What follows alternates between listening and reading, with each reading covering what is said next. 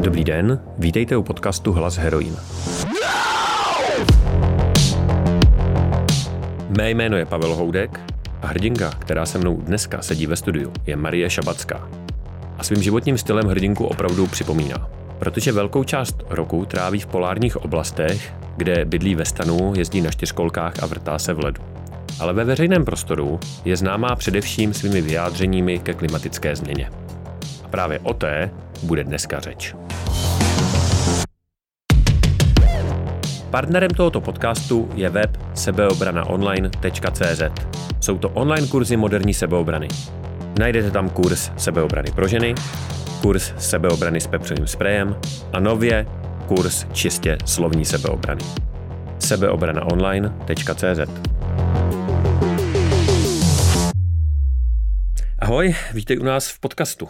Ahoj a děkuji za pozvání.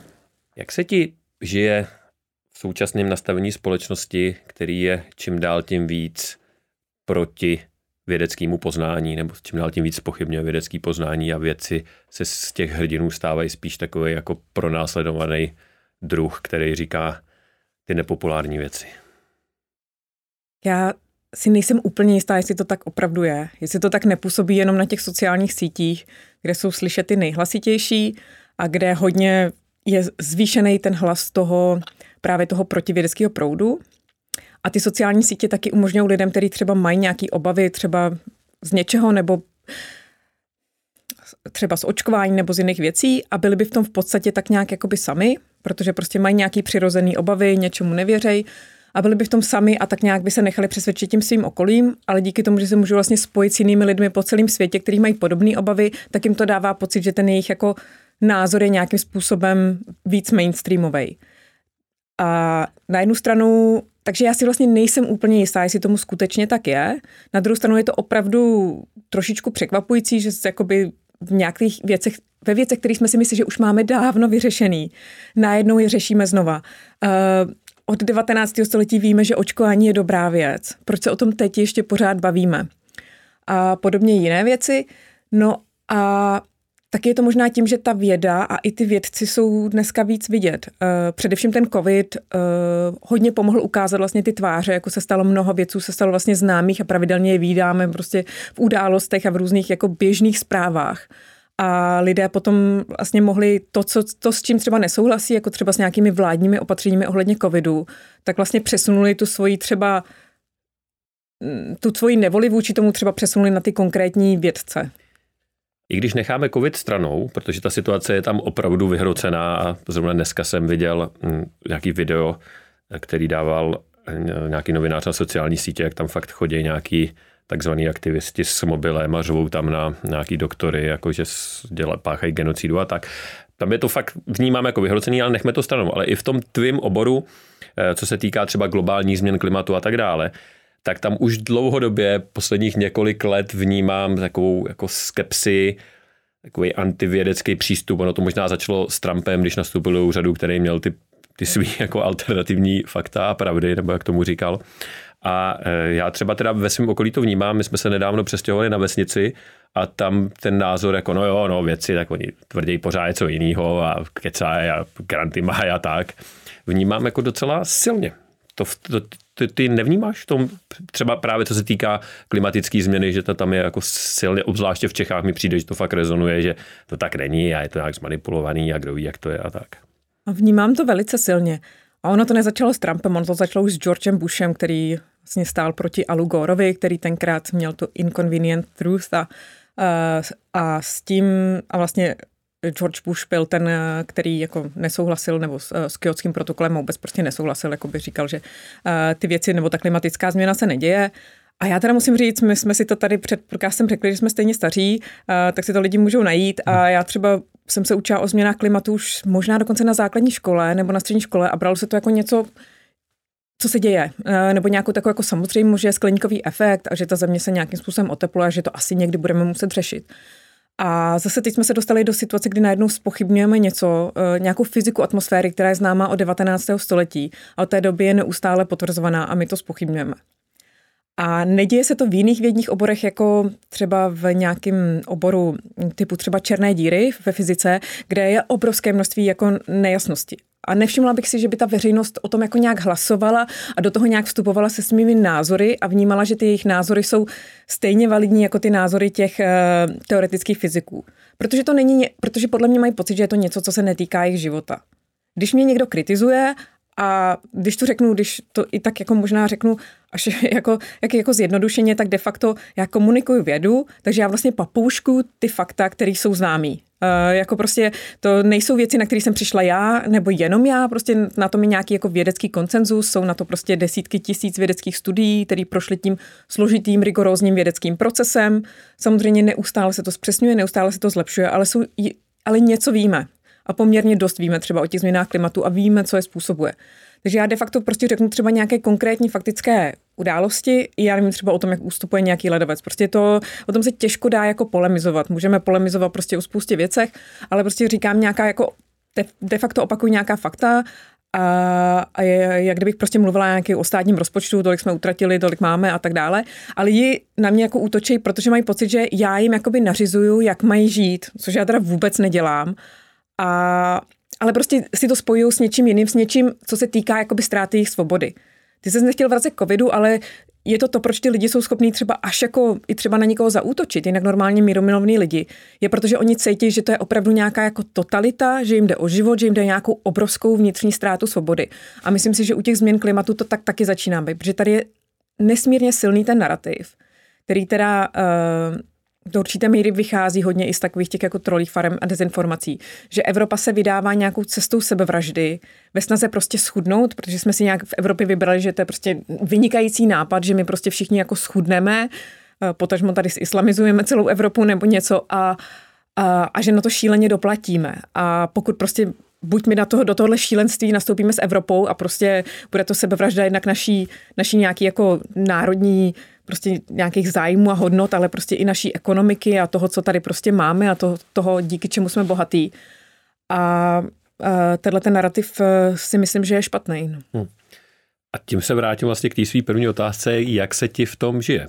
Protože nejde jenom, ty jsi zmínila ty sociální sítě na začátku, ale e, nedávno, že jo, třeba pan Fiala, současný a budoucí e, předseda vlády, v rozhovoru tam okolo toho hodně kličkoval, ale vlastně jasně řekl, já si vlastně nejsem jistý, jak to je s tou klimatickou změnou, to jakoby nechám vědcům a nebudu se k tomu jako moc vyjadřovat a nebudu v tom jako t, nic moc dělat. Takže vlastně tím dal zapravdu těm dezinformátorům, mm. že jo? protože vlastně ten jejich názor uh, dal za stejně validní, jako no tak někdo říká, že se to děje, někdo říká, že se to neděje, tak já vlastně nevím a, a nechám to jako bejt.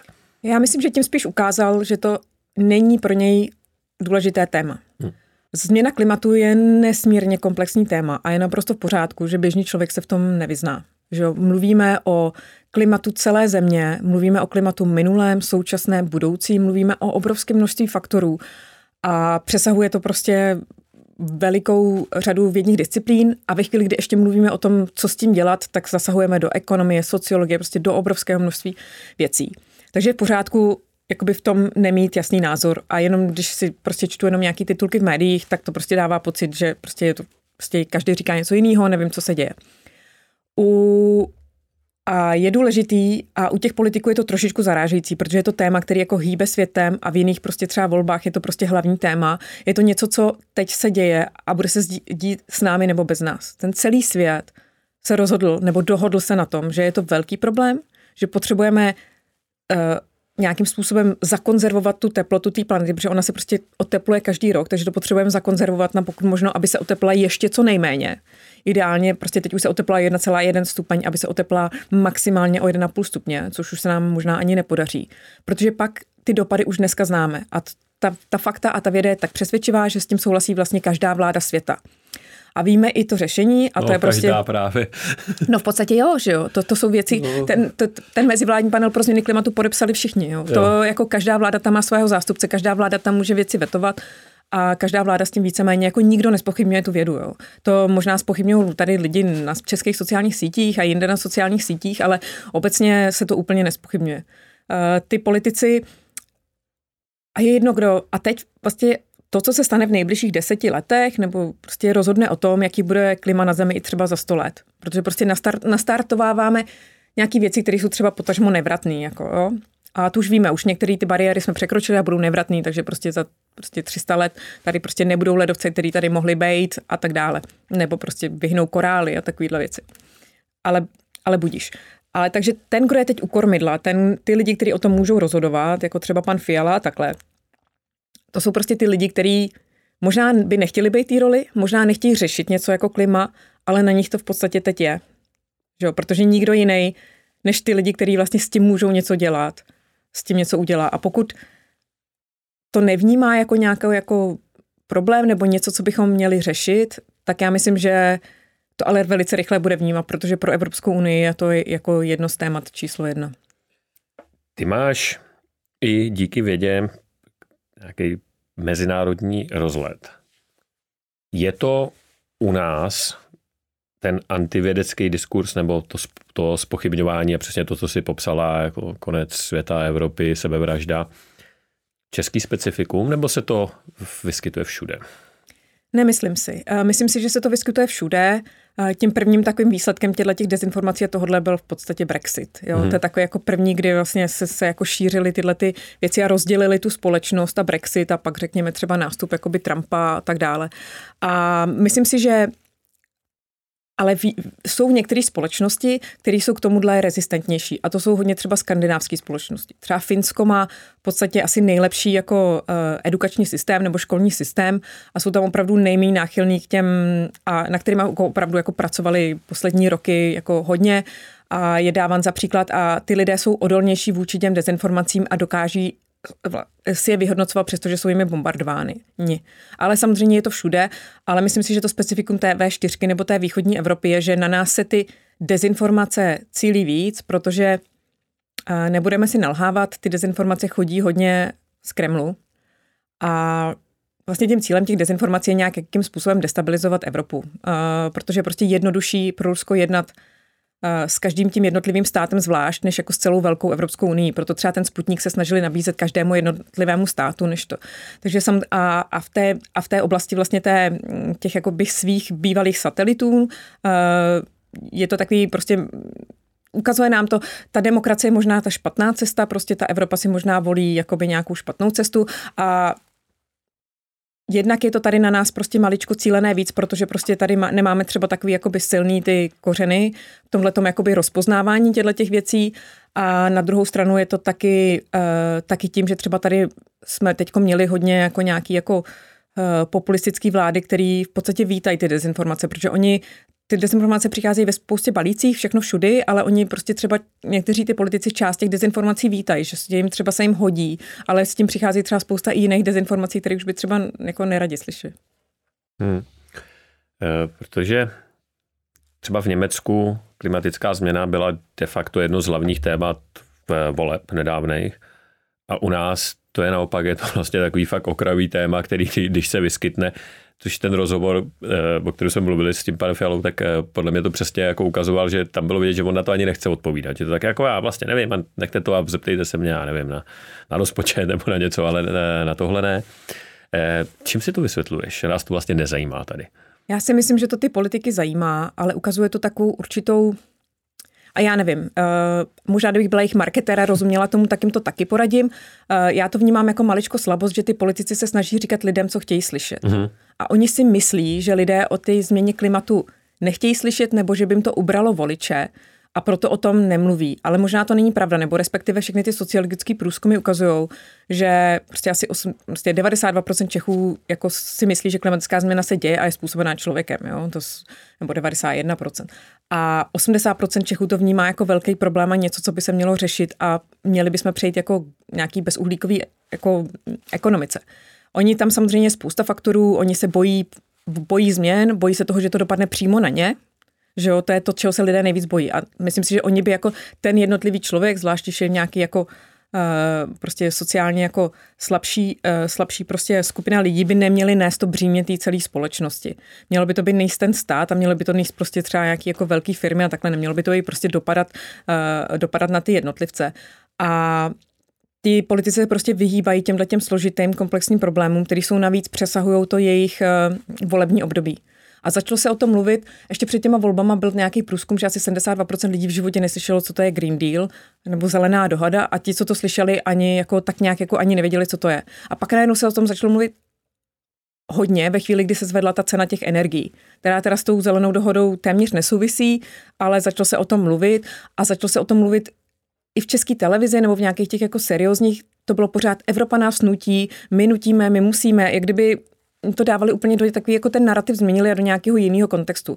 A náš premiér třeba úplně přetočil, že říkal, já vůbec nevím, co to je za šílenost, já jsem to životě nepodepsal, já jsem s tím nesouhlasil, jako kde se to vzalo, to prostě Evropa nás chce zničit a tak dále. Uh-huh. A ty se zrovna na tohle téma eh, toho Green Dealu hodně vyjadřuješ.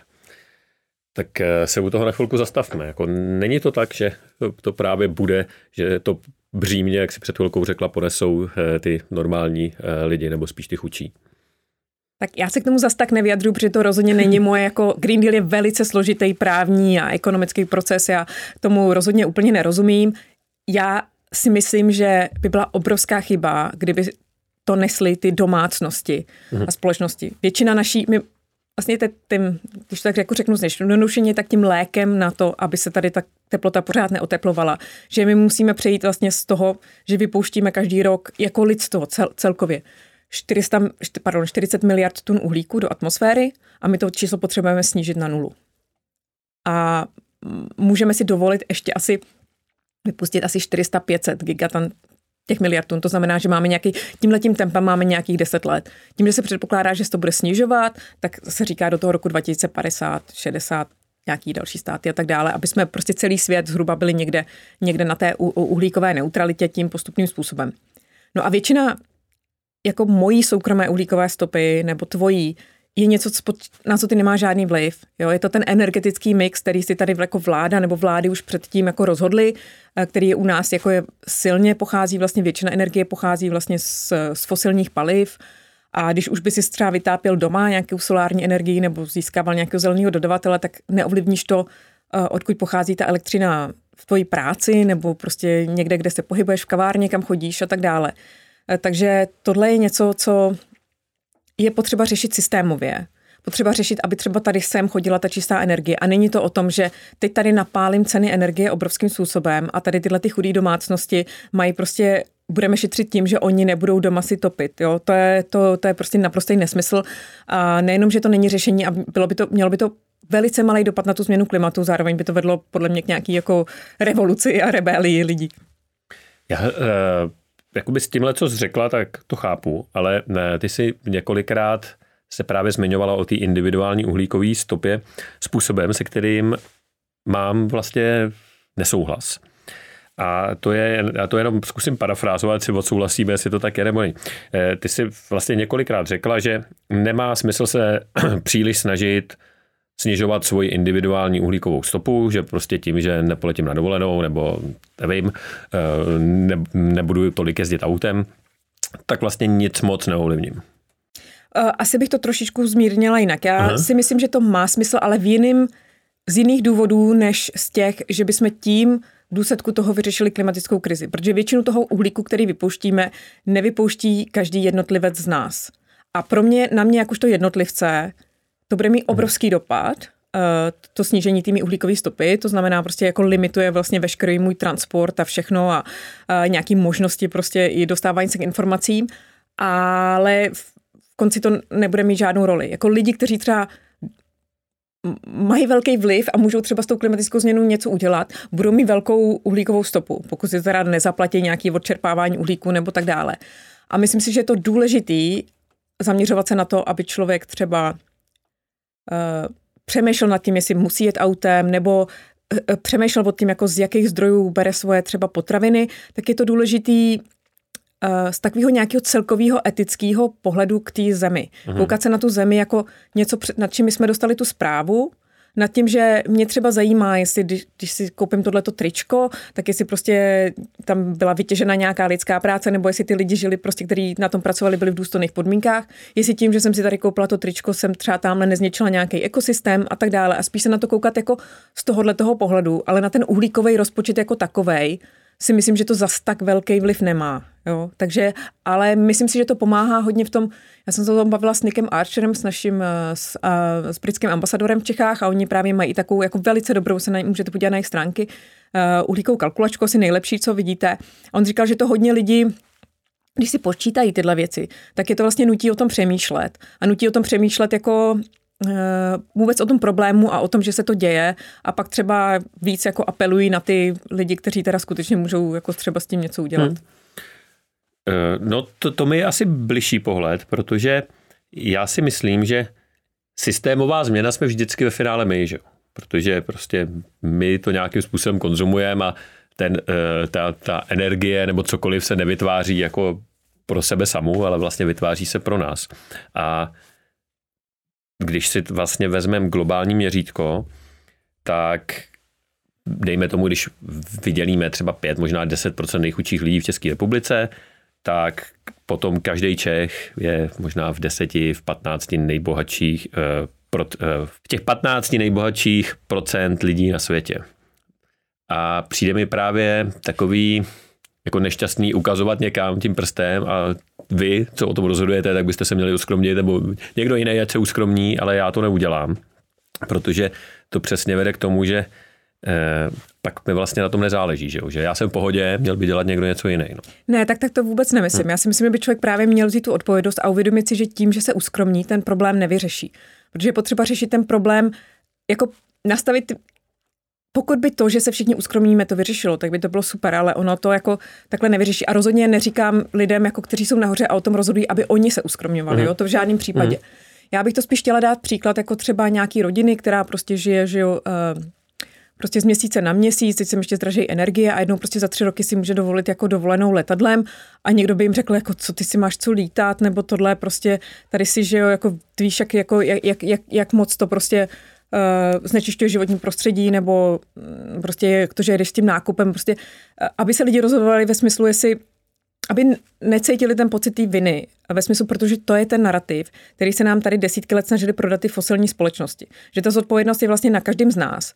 A že jakoby za tu změnu klimatu můžu já, protože prostě nebo nějaká paní, která unavená se třema dětma se rozhodla místo do té sámošky pěšky, tak je tam autem. A to je ten narrativ, který se snažili tady vlastně celou dobu jakoby změnit ty fosilní společnosti. Že to je jako uh, jakoby ten pocit té viny těch vyvolávat, že my tady ničíme já, protože prostě tamhle si beru prostě něco z plastu, protože prostě dělám to, co jako, protože prostě nevěnu veškerou svou energii tomu, abych jako se snažila jako dělat všechno jinak než všichni ostatní, tak nějakým způsobem já můžu za to, že ta planeta je zničená. Že? A ten trh tyhle ty věci do určitý míry může vy, vyřešit, ale do určitý míry. Jo? Jako když lidi budou tlačit prostě na ty firmy, že chtějí uh, prostě ekologičtější věci, tak to, bude, to nebude fungovat ve chvíli, kdy ty ekologičtější věci jsou mnohonásobně dražší. Že jo? Lidi si nekoupí Lidi si, jako trh by vyřešil třeba elektromobilitu a spalovací motory časem, protože ty elektromobily prostě budou lepší, budou prostě i třeba levnější, budou nabízet spoustu věcí, jsou těžší a, a prostě spoustu věcí, které třeba ty, uh, ty auta na ten spalo, čistší na spalovací motor jako nenabízejí, ale je to jako příliš, příliš pomalý. Asi bych to srovnala s tou systémovou změnou ve smyslu, že si nám všem vadí, nebo většině lidem vadí, že my jako tady ve středu Evropy máme poměrně jako špatnou síť dálnic. A to řešení nebude, že si uděláme hekatlon a o víkendech my prostě se tady všichni jako shodneme a začneme jako začneme to sami, sami tady jako asfaltovat te, tu Českou republiku. Jo. My prostě jediný, čím to můžeme vyřešit, je, že budeme volit ty politiky, který za ty dálnice vlastně zaplatí, že někdo udělá. Jako.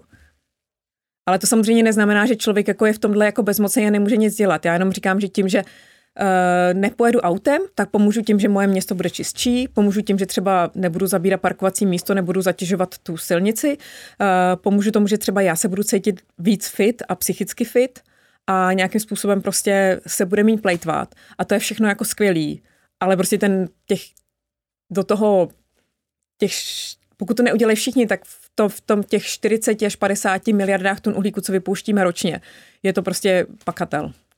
No, tomu rozumím. Jenom dvě poznámky k tomu. Jako e, díky za to, protože teď to chápu e, mnohem líp. Jenom teda e, radši bych když jsem mluvil o tom hekatlonu asfaltování, tak já bych radši ty vysokorychlostní tratě tady, než ty dálnice. To souhlasím, to souhlasím. lidi ne, by, přesně, tak... a lidi by lítali míň ve chvíli, kdyby měli super rychlý prostě vlakový spojení do Vídně, do Berlína jako a tak dále, tak ty lidi, protože i to bude pohodlnější, bude to třeba levnější, nemusí jet prostě na letiště takhle daleko, tak ty lidi mnohem spíš pojedou tím vlakem. Ale ve chvíli, kdy tady ten vlak není, uh, tak je to buď prostě je třeba 8 hodin autem, anebo letět tím letadlem. Ale uh, ta druhá část, co si říkal, jak mi vlastně přijde strašně jako defetistická v tom smyslu, že uh, jasně, tak já ušetřím na, když nepoletím na dovolenou, tak ušetřím, nevím, kilo nebo kolik, kolik emisí té fuk a že to je hrozně málo. Jenomže ten vtip je přeci v tom, že když každý ušetří nějakou část, tak ono to ve finále bude poměrně významný množství, protože když víme, že doprava dělá, já nevím, 40% třeba. Letecká no, doprava dělá 1% českého... Cel, já jsem myslel cel, no, no. celkem doprava. Ano, ale to je... Prostě když se snažíš něco řešit a my uh-huh. nemáme moc toho času, jak jsem říkal, máme prostě nějakých 10 let nebo tak, tak se to snaží řešit tou nejefektivnější cestou. A tahle je ta mhm. nejméně jako efektivní. Ty začínáš vlastně od nuly a řešíš ty malý kousky a samozřejmě ano, ale ve chvíli, kdy ty třeba změníš a místo leteckého paliva se začne používat syntetický palivo, který se vyrábí prostě na pouštích v Sahaře, jenom ze sluníčka, uh, syntetický kerozín, uh, petrolej, tak, uh, tak ten problém prostě vyřešíš mnohem snáš. Nebo dejme tomu, já ti řeknu třeba příklad, jo. Mm-hmm. A to, co třeba mě by pomohlo, jako já vlastním auto, můj přítel vlastní auto a většinu svého dospělého života vlastním auto, přestože s ním jezdím relativně minimálně. Uh, žila jsem prostě různě zahraničí, ale můj život je takový jakoby hektický, že ta, je, jako pro mě je důležitý to auto mít, mentálně a opravdu ho potřebuju, že občas to prostě je, že se najednou prostě potřebuji z hodiny na hodinu sebrat a někam je jako autem. Ale musím to přiznat, že většinu týdne mi to auto stojí, a nejezdím s ním. A někdy mi třeba stojí i třeba měsíc nebo dva měsíce, když jsem někde na expedici. A reálně já to auto zase tak moc nepotřebuji, jakoby vlastně ho potřebuju občas a potřebuji mít jako hned a potřebuji mít tu svobodu. No ale kdyby existoval, a, a já jsem třeba i hledala nějaký systémy třeba car sharingu a všechny ty systémy, co jsem našla, byly tak, že když si vezmu jako vlastnit auto, to znamená, že tam máš jako tu velkou zodpovědnost za to auto, nebo máš taxíka, který je jako dobrý, ale má jako spoustu svých jako nevýhod, že jo, cenu a tak dále a pak máš prostě teda jet nějakou městskou, tak mi přišlo, že ten car sharing měl všechny ty nevýhody těchto těch tří a ani jednu výhodu. Ale ve chvíli, kdyby existovala jako třeba dneska prostě nějaká půjčovna Audi, já si prostě třeba platím nějaký roční paušál, chci žít v centru města a prostě vždycky vím, že si to prostě předem tam nakliknu v té aplikaci a mám ráno prostě, mám tam prostě čistý auto, prostě zase ho někde kdekoliv vrátím, zase pro něj někdo přijede a prostě nějakým způsobem se ten systém změnil. A pro lidi třeba, kteří žijou v mém městě, by bylo velice jednoduchý si to auto vlastně půjčit, ale využívat ho jenom takhle jako na čas, ale pořád by ti zůstala velká část svobody. Tak si myslím, že bych se klidně vzdala toho auta. No, ale to je právě podle mě něco, co přesně může udělat ty lidi, to nemusí být systémový opatření. Ano, ty, uh, takhle, udělají to ty firmy. Takhle, když mluvím o systémovém opatřením, tak oni to v konci stejně udělají ty firmy a ty, ty privátní firmy. Ale oni ten systém, to, ten, ten stát vytváří to prostředí, kde je to výhodný. To znamená, že ten, ten, ten stát prostě řekne, OK, prostě uhlí je čím dál dražší a prostě nechceme ho a bude na něj uvalovat nějaký jako sankce třeba a naopak na ty věci, které chceme, tak je bude prostě zlevňovat. V Norsku je spousta elektromobilů, protože jsou prostě velkým způsobem zvýhodněný. A lidi řeknou, no ale tak protože to nemá konkurenci, proto, tak proto je to dotovaný, ale není, že jo, ta, ta, ta technologie se vyvíjí a čím víc lidí to má, tak pak je to vlastně levnější, že jo. Jo, takže prostě dotujeme to, co chceme, a vlastně a ten systém to vytváří. A už třeba to, že... Promiň, že ti skočím no. do řeči, ale když bychom si vzali třeba ten příklad ty půjčovny, tak to systémové opatření, o kterém mluvíš, by mohlo být třeba, nevím, nějaká daňová úleva pro tenhle typ podnikání nebo nějaká dotace nebo Jasně, no, ale já si myslím, že třeba spousta lidí by, jako, ve chvíli, se to jakoby rozjede, jako třeba v nějakém městě, že by to vlastně spousta lidí hmm. vítala, jo, protože ono mít v centru jako auto je docela problém, jako jo, platíš hodně za parkování a pro ty města jako že ty města typu centrum Prahy není stavěný na to, že tam každá rodina bude mít jedno auto, na tož dvě auta, že jo? A lidi nadávají, že nemají prostě parkovací místa a že je prostě v Praze spousta aut, ale uh, ono to v podstatě jako ano, můžeme prostě stavět nějaký garáže a nějaký všechny možné věci, ale eh, do určitý míry by to bylo, vyřešilo, kdyby těch aut třeba bylo míň, že jo, a pokud prostě lidi pořád můžou mít tu svobodu, že prostě můžou kdykoliv jet tím autem, ale zároveň ho nemusí si kupovat nový, nový auto a mm, jako vlastnit ho, tak říkám, jo, já vůbec nevím, tohle prostě mě jenom napadlo jako mm. takový, jakoby, takový vysněný scénář, uh, že spíš než prostě se snažit, OK, hele, ty rodino to auto mít nebudeš a vždycky, když prostě budeš potřebovat to auto, jak budeš muset nějakým složitým způsobem si ho někde půjčovat, nebo jít do půjčovny, nebo prostě taxíka, nebo takhle. Jo, takže si myslím, že třeba když přijde nějaká jako firma prostě s nějakým takovýmhle jako řešením, samozřejmě vyžaduje to nějaký kapitál a takhle, tak uh, to prostě začne víc lidí používat a uh, vidíme to, jak prostě, že jo, mm, věci se prostě rozjíždějí rychle a myslím si, že ty lidi, kteří mají ten mindset toho, že ty věci už se stanou a změnějí, ty firmy, a to jim dávají ty signály, právě tyhle, ty jsi mluvil o té pařížské konferenci, teď byla konference v Glasgow, tak v podstatě jenom to, co se, to, že se to děje, že se tam shodne celý svět na něčem, tak si myslím, že je velký signál pro ten privátní sektor, tímhle tím směrem to půjde. A hmm. buď se můžeme tvářit, že to nepůjde, strčíme hlavu do písku, a jako tak nějak zaspíme, anebo prostě se na to už teď vlastně, když přemýšlíme o nějakých našich plánech na 50 let, tak už s, jakoby s tímhletím mindsetem budeme uvažovat a podle toho investovat. Ty jsi profesí, eh, profesně se zabýváš vlastně úplně něčím jiným. Eh, ve veřejném prostoru si nejvíc vidět právě v souvislosti s eh, klimatickou změnou. Co tě k tomu dovedlo nebo donutilo, že namísto toho, aby si zkoumala ty broučky nebo želvušky nebo co. Já jsem to vlastně ani nevěděl, to, co děláš, a teprve, protože jsem tě znal z toho veřejného prostoru právě skrz tohle. Mm-hmm. Když jsem se začal připravovat na ten rozhovor, tak jsem se do toho víc ponořil a e, objevil jsem to. E, takže co tě vlastně přivedlo k tomu, že se stala takhle jako aktivním, e, aktivní a e, v, zasazuješ se nebo působíš na tomhle poli a byl v tom docela dlouhý vývoj. Já jsem já jsem žila dlouho v zahraničí a pak uh, třeba jsem nějak jako přišla, získala jsem třeba nějaký grant a takhle a byly nějaké jako žádosti o rozhovory. A já jsem vždycky v těch jako prvních rozhovorech i takhle mluvila víceméně jenom o svý vědě a tím, že prostě studuju ledovce a ledovce ustupují, tak tam byly často otázky na klimatickou změnu. Ale byly třeba opravdu jako, já nevím, třeba dvě minuty z 30 minutového rozhovoru nebo prostě celého článku tam byla jedna otázka. A já jsem se k tomu až tak moc jako vyjadřovat nechtěla, ale řekla jsem třeba nějakých pár jako obecných věcí. A stejně se to téměř vždycky se tahle část dostala do toho titulku nebo toho vystříženého preview z toho rozhovoru a bylo to, to na co nejvíc jako lidi reagovali. A já jsem, i jsem se často snažila v těch rozhovorech to jako říkat, prostě tohle není moje třeba prostě úplná expertíza a tak dále.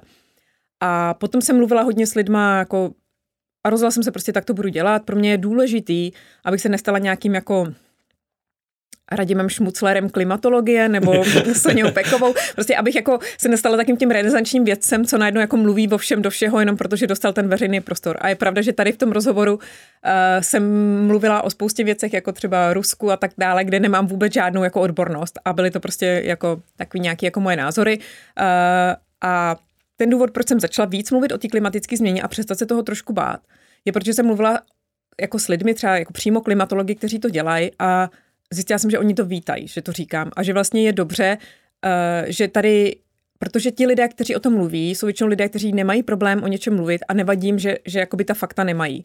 Takže já se snažím jako mluvit jako z té druhé strany. Z té druhé strany, nebo prostě z jakýkoliv strany. Jo? Mm-hmm. Prostě lidi, kteří se tomu vyjadřují, tak se tomu vyjadřují, protože na to mají nějaký názor, který nutně není jako slučitelný s faktama. Takže ve chvíli, kdy já jsem třeba pozvaná jako nějakého panelu nebo takhle jako odborník, tak uh, prostě se snažím opravdu být jako ten, kdo prostě zastupuje to, co je prostě, to, co jsou ty vědecké články, to, co je to co naše současné poznání a na čem to je. Když tady mluvím o tom, prostě, co bude Green Deal nebo tohle, to, do toho já samozřejmě míchám nějaké svoje názory, ale ve chvíli, kdy mluvíme prostě o té fyzice atmosféry a o těchto těch věcech, tak prostě mluvím o těch prostě vědeckých poznacích, jak jsou a prostě co přesně víme, když mi někdo řekne, že za změny klimatu může slunce, tak prostě vysvětlím, jako co, co, proč víme, že ne a tak dále. A ale je to taková jako dvojsečná zbraň a pořád si v tom hledám jako místo. Jo. Takže mi lidi říkali, jako když o tom nebudeš mluvit, tak do jiný. A já si samozřejmě uvědomuji, že jsme tady, děláme podcast pro heroin, vlastně časopis pro ženy a já si uvědomuji, že do určité míry to, že třeba ta média o mě mají zájem, je do určité míry daný tím, že jsem žena, jo. že je tam nějaká jako ve smyslu pozitivní diskriminace. Věřím, že to není jenom proto, že jsem žena, nebo tak jako doufám, že to není jenom proto, že jsem žena, ale vím, že jako to třeba hraje nějakou roli. A protože prostě chtějí taky třeba, aby se vyjadřovali občas vědkyně a byly prostě uh, to. Takže dejme tomu, že to tak je, dejme tomu, že mě zvou i třeba jenom proto, že jsem žena, tak já to beru tak dobře, tak jako já jsem dostala tu možnost mluvit o něčem a svým jako nejlepším svědomím se snažím předávat ty informace, mm-hmm. které v tom vědeckém veřejném prostoru jsou. Jak se mi daří nebo ne, to nevím. Na svých jako soukromých Twitterech a takhle si dovolím nějaký jakoby názorové věci. Tady prostě v tomhle relativně prostě podcastu si to jako taky dovolím, ale co se týče té tý vědy, uh, tak tam se snažím jako nespekulovat a myslím si, že se to takhle jakoby samo nějakým způsobem utvořilo. No. Jsem trošičku hodně spolupracuji uh, takhle třeba s faktama o klimatu, to je u nás taková platforma asi nejlepší, jako i webové stránky, kde jsou prostě nejlepší informace jako a nejlepší grafiky o tom, jako, eh, co, co je vlastně jako klimatická změna takhle snažíme se mezi těma lidma, kteří jsme jakoby těma médiama zváni ohledně té klimatické změny, tak mi takový jakoby i jeden konzistentní hlas a, a vyjadřovat se k tomu fakticky a prostě a vědecky. No. Hmm. A nemrzí tě to trochu, že už nechodíš povídat o želvuškách a, a stanování, v, stanování v polárních oblastech a, a mluvíš jenom o klimatu? Hmm, to si nemyslím, že je pravda. Já si yeah. myslím, že pořád výrazně víc mluvím o té vědě. Zrovna mm-hmm. dneska jsem jako měla jednu přednášku jako takhle a mluvil ve Škoda Auto. A mluvila jsem tam jako hlavně o té své vědě, ale mluvili jsme i o klimatické změně. Takže si myslím, že pořád jako o té vědě mluvím mnohem víc. Ale nemrzí mě to ze dvou důvodů. Za prvý, že to, co člověk dělá vědecky, tak je opravdu často hodně odborný a je nějaký limit toho, co můžu té veřejnosti říct. Jo. A prostě teď nemám žádný jako nový poznání, který bych jí předávala, tak si myslím, že může o tom může mluvit spousta jiných, těch tisíců jiných vědců, kteří mají nějaký nový poznatky, takže tam je nějaký limit toho, co prostě lidi bude zajímat. A ta klimatická změna je něco, co se děje teď a co je jako opravdu důležitý a kde třeba uh, prostě člověk může tím, že třeba je to taková nevděčná práce, ale tím, že se snaží jakoby ty mýty nebo ty dezinformace, které jsou v tom prostoru třeba vyvracet, tak uh, to třeba může mít nějaký jako dopad. A dopad třeba větší, než mluví o těch želvuškách. Co se týče toho mluvení o tom, jako jaký to je za polárním kruhem a jak se spí ve stanu, uh, tak to už mě nebaví, protože prostě si myslím, že už jako jsem tomu řekla dost a to, když tak dělám třeba pro školy. Jako no. Hmm. Jsi optimistická, co se týká budoucnosti třeba generace našich dětí v souvislosti s klimatickou změnou? No asi musím být, jako nevím, no, uh, jako jsem optimista, nebo jsem takový nějaký jako optimisto-realista. Jako myslím si, že na tu jako bezuhlíkovou eh, ekonomii, nebo prostě to, že se odkloníme od těch fosilních paliv, že k tomu prostě dojde.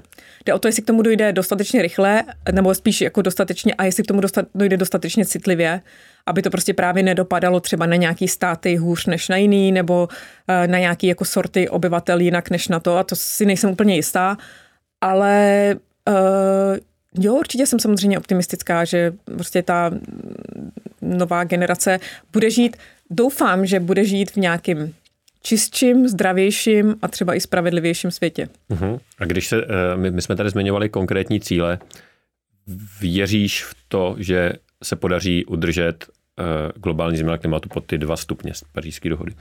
Tak to já nevím. No. Já jako samozřejmě nevím, to není, není založený na víře, ale myslím si, že všechno směřuje k tomu, jako že tam ten, ten cíl je. Mm-hmm.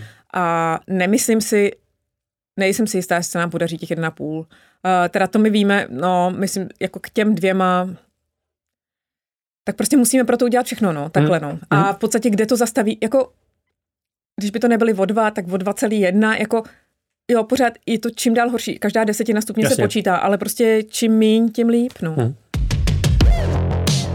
Tak jo, tak já děkuji, že jsi našla čas a přišla si s náma povídat. Díky. Já taky děkuji. Děkuji za pozvání. Ahoj.